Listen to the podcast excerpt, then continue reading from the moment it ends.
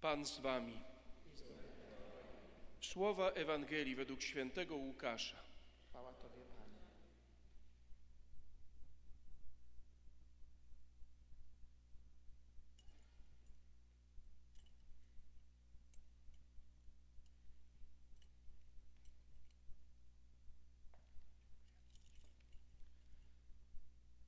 Jezus powiedział do swoich uczniów: Będą znaki na słońcu, księżycu i gwiazdach, a na ziemi trwoga narodów bezradnych wobec szumu morza i jego nawałnicy. Ludzie mdleć będą ze strachu w oczekiwaniu wydarzeń zagrażających ziemi, albowiem moce niebios zostaną wstrząśnięte. Wtedy ujrzą Syna Człowieczego przychodzącego na obłoku z wielką mocą i chwałą. A gdy się to dziać zacznie, nabierzcie ducha i podnieście głowy, ponieważ zbliża się wasze odkupienie. Uważajcie na siebie, aby wasze serca nie były ociężałe wskutek obżarstwa, pijaństwa i trosk doczesnych, żeby ten dzień nie przypadł na was z nienacka, jak potrzask. Przyjdzie on bowiem na wszystkich, którzy mieszkają na całej ziemi.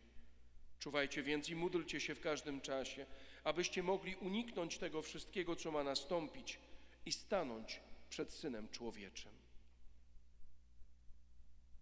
Oto słowo Pańskie. Chwała Tobie, Chryste.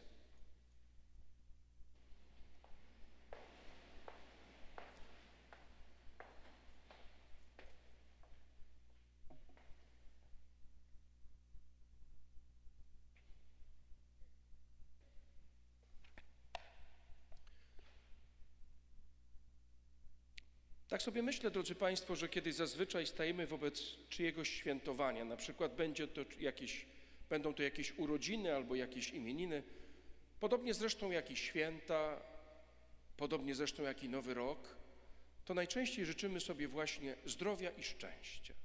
Potem idzie cała reszta, którą próbujemy jakby dostosować do sytuacji danej osoby. Ale od tego tak naprawdę zawsze zaczynamy w naszej polskiej tradycji. To prawda, że na zdrowie wydaje nam się przynajmniej nie mamy za bardzo wielkiego wpływu. Znaczy, uczymy się, że tak naprawdę mamy bardzo wielki wpływ. Pytanie jest, czy chcemy mieć. No to jest troszkę inna rzecz. Są choroby, które przychodzą na nas po prostu. Także można by rzec, iż zdrowie troszkę od nas nie zależy. A co ze szczęściem? Czy szczęście zależy od nas? Czy szczęście zależy ode mnie?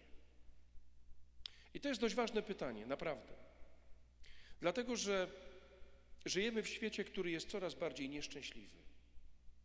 Wydaje się, że to, co udało się nam, ludziom, osiągnąć w tym XXI wieku, na przestrzeni tych wszystkich wieków, rozwijając geniusz naszego umysłu, to powinno sprawić, że będziemy w życiu bardziej radośni.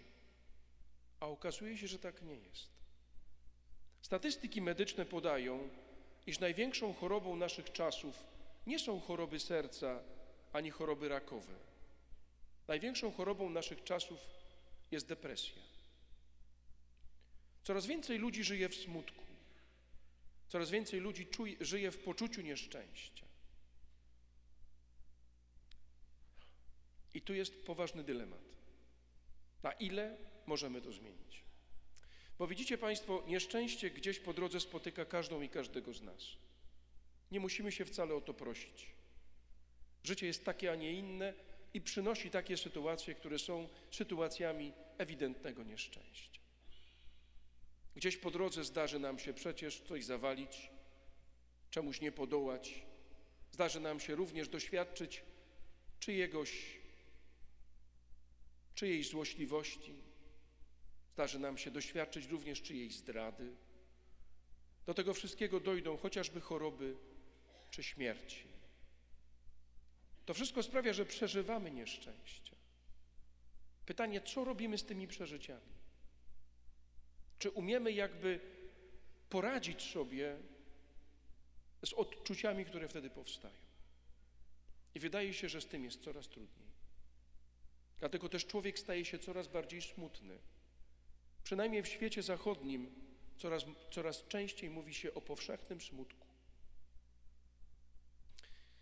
Widzicie Państwo, to jest istotna rzecz, dlatego że Zamierzeniem przyjścia Chrystusowego na świat jest danie człowiekowi, czy przypomnienie człowiekowi tego, że jest powołany do szczęścia. Że szczęście to nie jest rzeczywistość, która jest rzeczywistością nieba tylko, ale człowiek ma prawo być szczęśliwy już tutaj na ziemi. Ja zdaję sobie sprawę, że mało o tym mówi się z ambon kościelnych. Ambony kościelne raczej wzywają do pokuty, a nie do bycia szczęśliwym. Ale zobaczcie, jak się nazywa Ewangelia.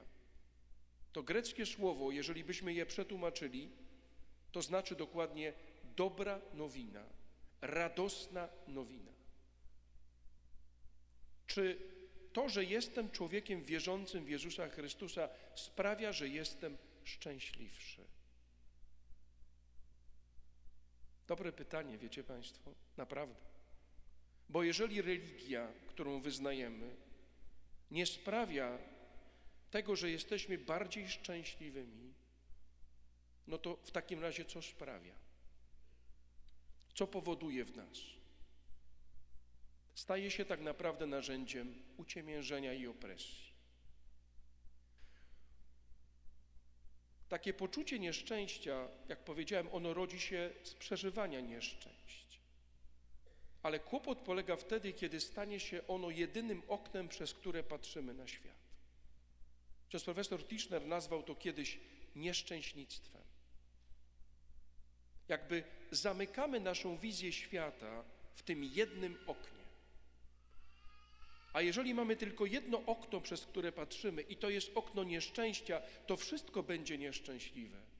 I świat dookoła może być najbardziej radosny i szczęśliwy, ale my sami, patrząc przez takie okno, nie będziemy tego widzieć.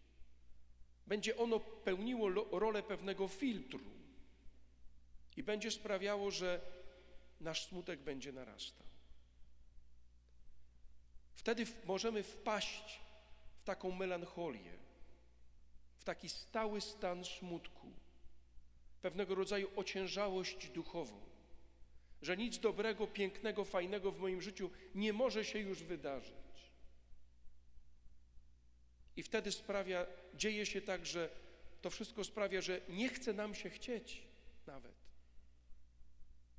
Jezus przychodzi po to, aby zaproponować nam otwarcie innego okna. Jezus przychodzi po to, rodzi się człowiekiem po to, żeby nam powiedzieć, że warto być człowiekiem, że warto przeżyć swoje własne człowieczeństwo, że tu na ziemi nie jesteśmy za karę, a to nie jest li tylko padł łez. Po to przychodzi Jezus. Zobaczcie Państwo, myśmy się przyzwyczaili, my to traktujemy jako coś automatycznego, że to wszystko tak właśnie musiało się dokonać, że anioł przyszedł do Maryi w Nazarecie, ona powiedziała, o jak fajnie, niech mi się stanie według Twego słowa, a potem było Betlejem, a potem były aniołki, a potem były owieczki, a potem był wołek i osiołek, nie wiadomo kto jeszcze i trzej królowie, a potem było nauczanie i cuda, a potem był krzyż i zmartwychwstanie. I to musiało tak być. Nie musiało być. Trzeba nam sobie to jasno powiedzieć, drodzy Państwo. Pan Bóg mógł dokonać dzieła odkupienia człowieka w zupełnie inny sposób. Jeżeli jest prawdą, że Bóg stworzył świat, uruchomił maszynę stworzenia, dokładnie, powiedział, niech się stanie i zaczęło się dziać, to tak samo mógł po prostu powiedzieć, niech człowiek będzie odkupiony i byłby odkupiony człowiek. Nie potrzeba było wcielenia Syna Bożego. To dlaczego wcielenie? To dlaczego Boże Narodzenie? To dlaczego Bóg staje się człowiekiem? Właśnie dlatego, żeby nam powiedzieć, że warto być człowiekiem. Że człowieczeństwo jest piękne, że człowieczeństwo jest dobre Święta Bożego Narodzenia to są święta człowieczeństwa Chrystusa. One są po to, żebyśmy odnaleźli piękno naszego człowieczeństwa. Zobaczcie, drodzy Państwo, czego Jezus doświadczył w swoim życiu. Czy to była autostrada do nieba? Od początku to było odrzucenie, to była złośliwość, to było wyszydzenie. Były też dobre chwile, jak wesele w Kanie. Pewnie, że tak. Ale to nie jest tak, że on przyszedł, przeszedł i fajnie było. Płakał przy grobie Łazarza. Doświadczył śmierci Józefa, swojego ojca. Cierpiał jak my, też go bolało. Widzicie Państwo, i mimo wszystko powiedział nam przez swoje życie, że człowieczeństwo warte jest przeżycia.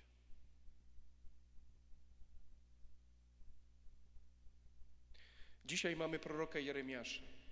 Jeremiasz to był bardzo ciekawy prorok. Ile on się nakłócił z Panem Bogiem.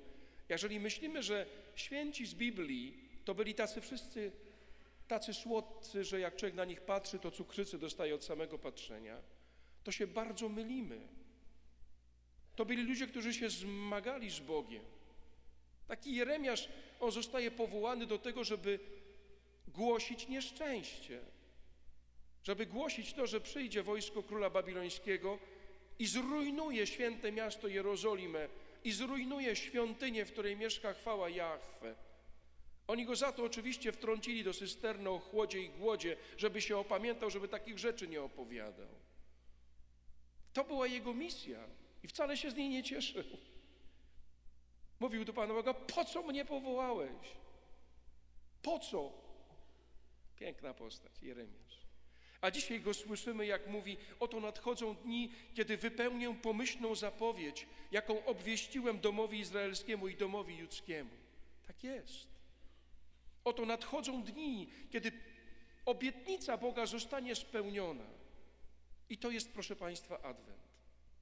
Adwent ma dwa wymiary, bym powiedział. Wiemy, to jest czas oczekiwania. I to oczekiwanie można zobaczyć z dwóch perspektyw. Można żyć oczekiwaniami czyli spodziewaniem się, albo gdybologią, bo gdyby to, to wtedy tak, a gdyby tamto, to wtedy owak. A ja się spodziewałem, a myśmy się spodziewali, a ja tak oczekiwałem. I wtedy nie dziwmy się, że siłą rzeczy przeżywamy rozczarowania, zawody, czasami nawet i rozpacz. Bo zawalamy rzeczy jako ludzie, każdy z nas. Chcemy czy nie chcemy, jeżeli jesteśmy uczciwi, to się musimy przyznać tak samo jak zawalają inni, ale może wtedy często bardziej boli. Ale też jest druga perspektywa oczekiwania żyć w oczekiwaniu. I to jest adwent. Czyli być świadomym tej obietnicy, zawierzyć temu słowu, które nie rozczarowało i które nie rozczarowuje. To słowo wtedy uzdalnia mnie do tego, żebym otworzył to drugie okno żebym nie patrzył na świat tylko i wyłącznie przez pryzmat nieszczęścia, ale żebym umiał zobaczyć przez radosną nowinę, żebym umiał popatrzeć na siebie i na drugiego pozytywnie. Ewangelia jest pełna takich spotkań. Jest taki Zacheusz, przełożony celników, którego wytykają palcami, bo współpracuje z rzymskim okupantem, a do tego jest bogaty. No to Bach no to już palcami go, ręki mu nie wolno podać, bo będziesz nieczysty. Znamy go z Ewangelii, a Jezus się do niego wprasza na obiad, budząc tym absolutne zdziwienie faryzeuszów.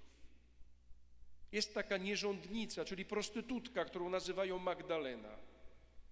I też ją chcą ukamienować za cudzołóstwo. A gdzie był ten, z którym to cudzołóstwo popełniła? Tylko ją, prawda? I też ją wytykali palcami, bo grzesznica. A Pan Jezus wdał się z nią w dialog. A Samarytanka, kobieta, która miała pięciu mężów, nieuporządkowane życie, powiedzielibyśmy, moralne, a Jezus siada z nią przy studni Jakubowej i rozpoczyna rozmowę. I okazuje się, że, że się wszystko zmienia. Otwiera przed nimi zupełnie nowe okno. To nie jest tak, że mówi, dobre jest to, co robisz. Twoje życie jest super. Nie. Ale nie potępia. Nie przybija ich jeszcze bardziej do ziemi, tylko ich podnosi.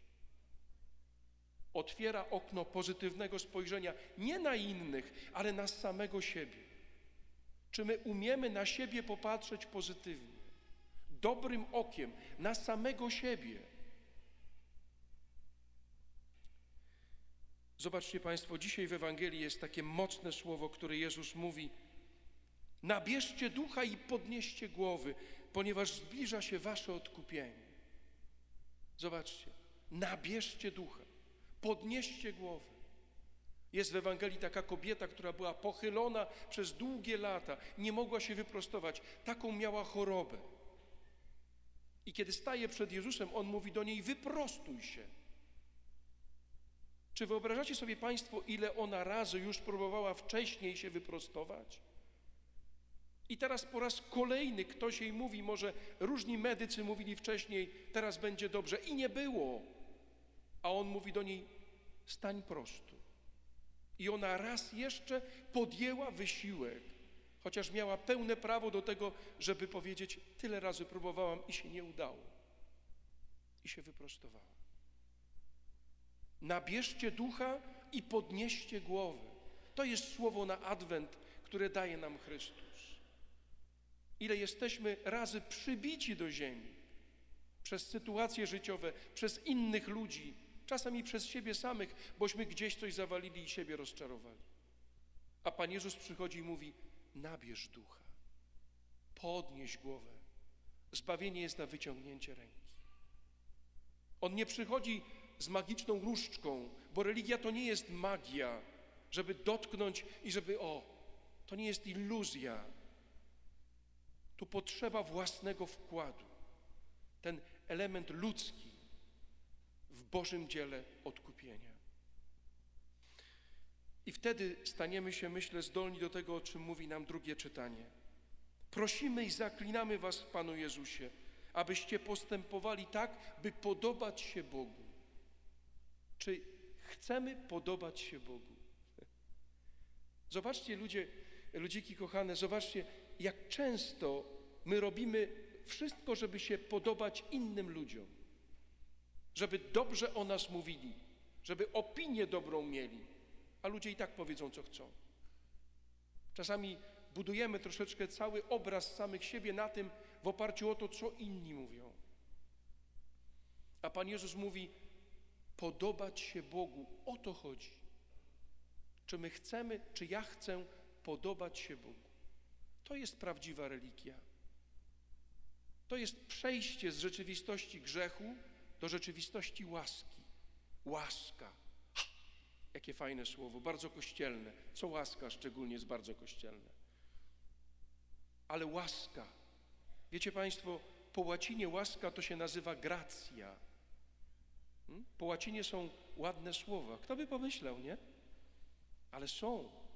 Łaska to jest gracja. A co to jest gracja? A gracja to jest piękno. To jest jakiś urok. No właśnie. Przejść od rzeczywistości grzechu, robić wszystko, żeby nie zgrzeszyć, do rzeczywistości łaski, czy żeby stawać się coraz piękniejsze, podobać się Bogu. To jest ta zmiana, to jest to nowe okno, które otwiera Chrystus. Och, zamęczę Was. Ale już ląduję, dali mi zielone światło na O'Hare. To już jestem tutaj. Jedna tylko rzecz jeszcze, bo jubileusz. 125 lat Waszej parafii. W sumie po to mi Wasz proboszcz kazał przyjechać, żebym Wam o jubileuszu poopowiadał. A ja tutaj minutę jeszcze mam. No. Jak to zrobić? Co to jest jubileusz? Otóż w Księdze Kapłańskiej, trzeciej Księdze Pisma Świętego, jest dokładny opis tego, że co 50 lat ma być rok jubileuszowy. I Mojżesz wtedy przekazuje prawo Boże. Tu nie chodzi tylko o to, żeby było świętowanie. Ono też ma być. I pewnie u Was też będzie. I będą goście zaproszeni, imprezy okolicznościowe i dobrze. Ale Mojżesz mówi też, rok jubileuszowy to jest rok darowania. To znaczy, jeżeli na przykład był niewolnik, to stawał się wolnym. Ktoś miał jakiś dług, którego nie mógł przez ten czas spłacić, to ten dług miał mu być darowany. Ktoś coś zastawił, to miał to odzyskać. Taki był wymiar jubileuszu. To był czas darowania i przebaczania. Ilu z nas niesie w sobie taki bagaż przeszłości? jakichś zranień, jakichś przykrych doświadczeń. Które sprawiają, że my nie umiemy przeżywać, cieszyć się, być szczęśliwymi dzisiaj. One gdzieś zostały jak zadry na naszej pamięci, na pamięci naszego serca. I jubileusz, kochani, to jest wielki odpust, ale nie przez dużą ilość kramów, ale przez umiejętność odpuszczenia sobie, odpuścić sobie, nauczyć się z przeszłości, bo to nie chodzi o to, żeby zapomnieć, wyciągnąć lekcje, ale nie siedzieć w jej szponach, bo ona nie pozwoli nam cieszyć się naszym dzisiaj i pozytywnie patrzeć na przyszłość. I tego Wam gorąco życzę na ten jubileusz, żebyście umieli sobie odpuścić, żebyście umieli sobie i innym przebaczyć, żeby ten rok jubileuszu każdą i każdego z Was do tego doprowadził. A wtedy zobaczycie to nowe okno szeroko otwarte i naprawdę życie stanie się radośniejsze. Dobra nowina zwycięży. Dobra nowina podniesie, pozwoli, żeby ten duch był w Was piękny i dobry. Gorąco Wam tego życzę, naprawdę. Bo nie ma nic piękniejszego jak szczęśliwi ludzie. Amen.